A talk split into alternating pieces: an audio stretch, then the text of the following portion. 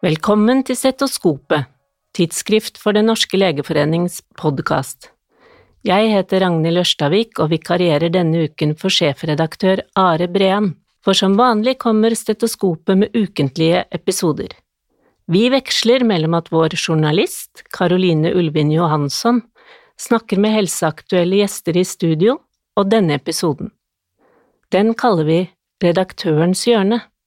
Her skal vi gi deg litt usystematisk og kanskje litt uhøytidelig innblikk i hva som publiseres i de internasjonale tidsskriftene.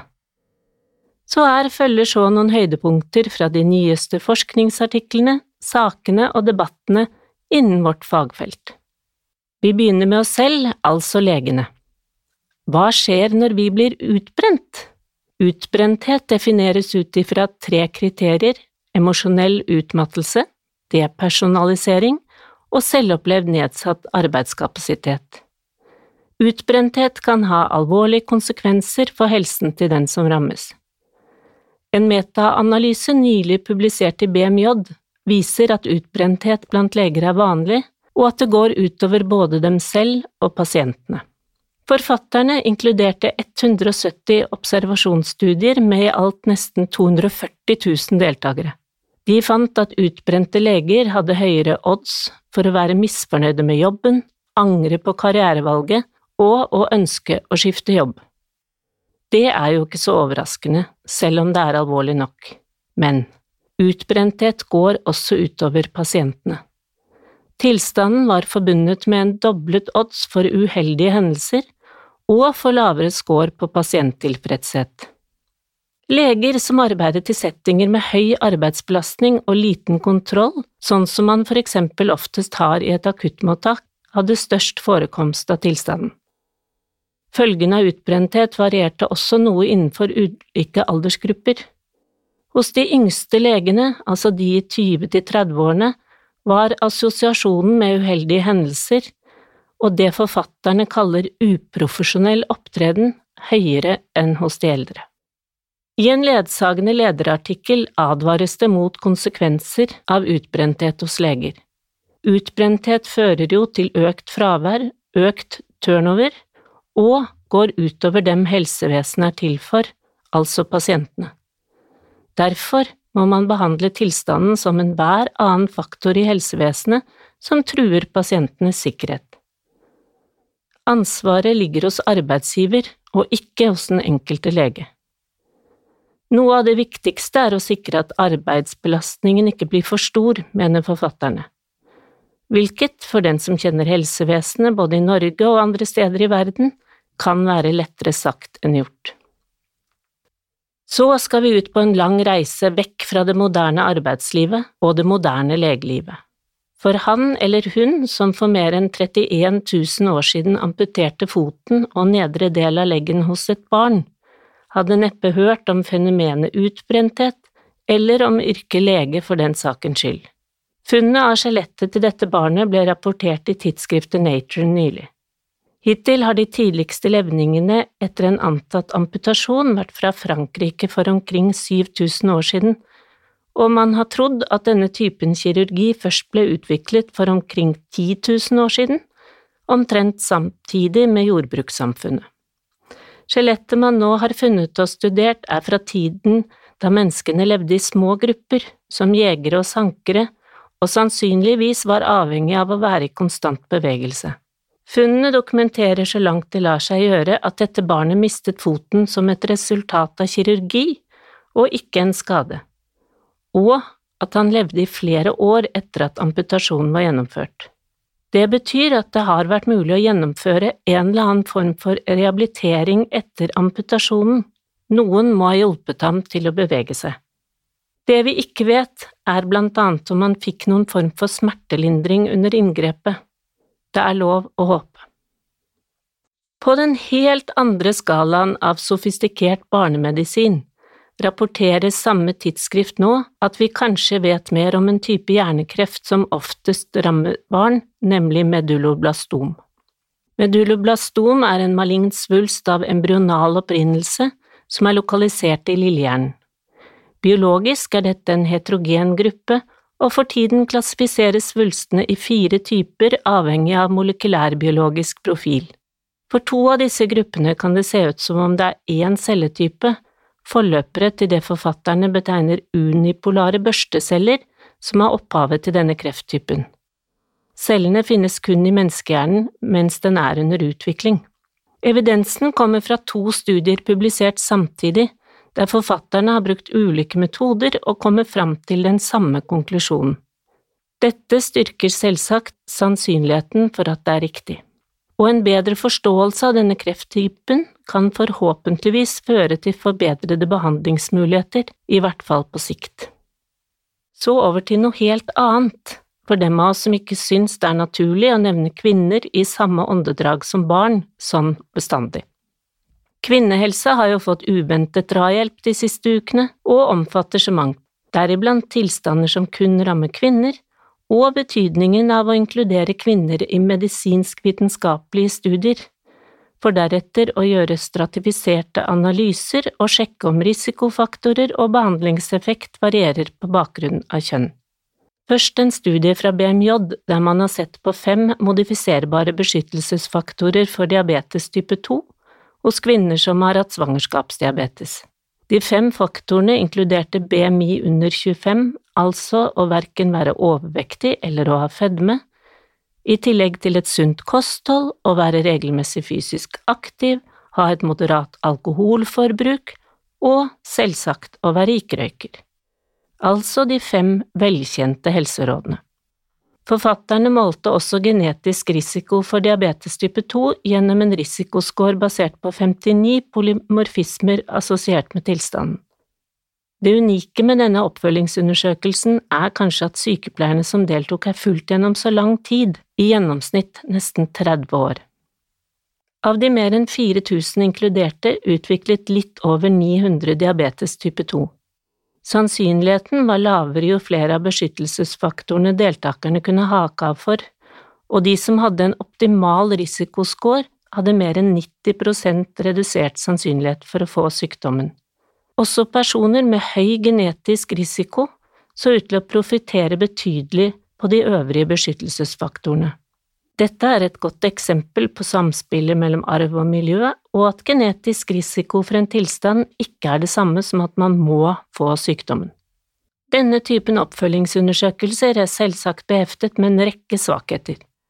Her trekker forfatterne særlig frem at dataene til dels stammer fra deltakernes egne rapporter, og at populasjonen først og fremst besto av helsearbeidere med europeisk bakgrunn, på den måten man måler slikt i USA.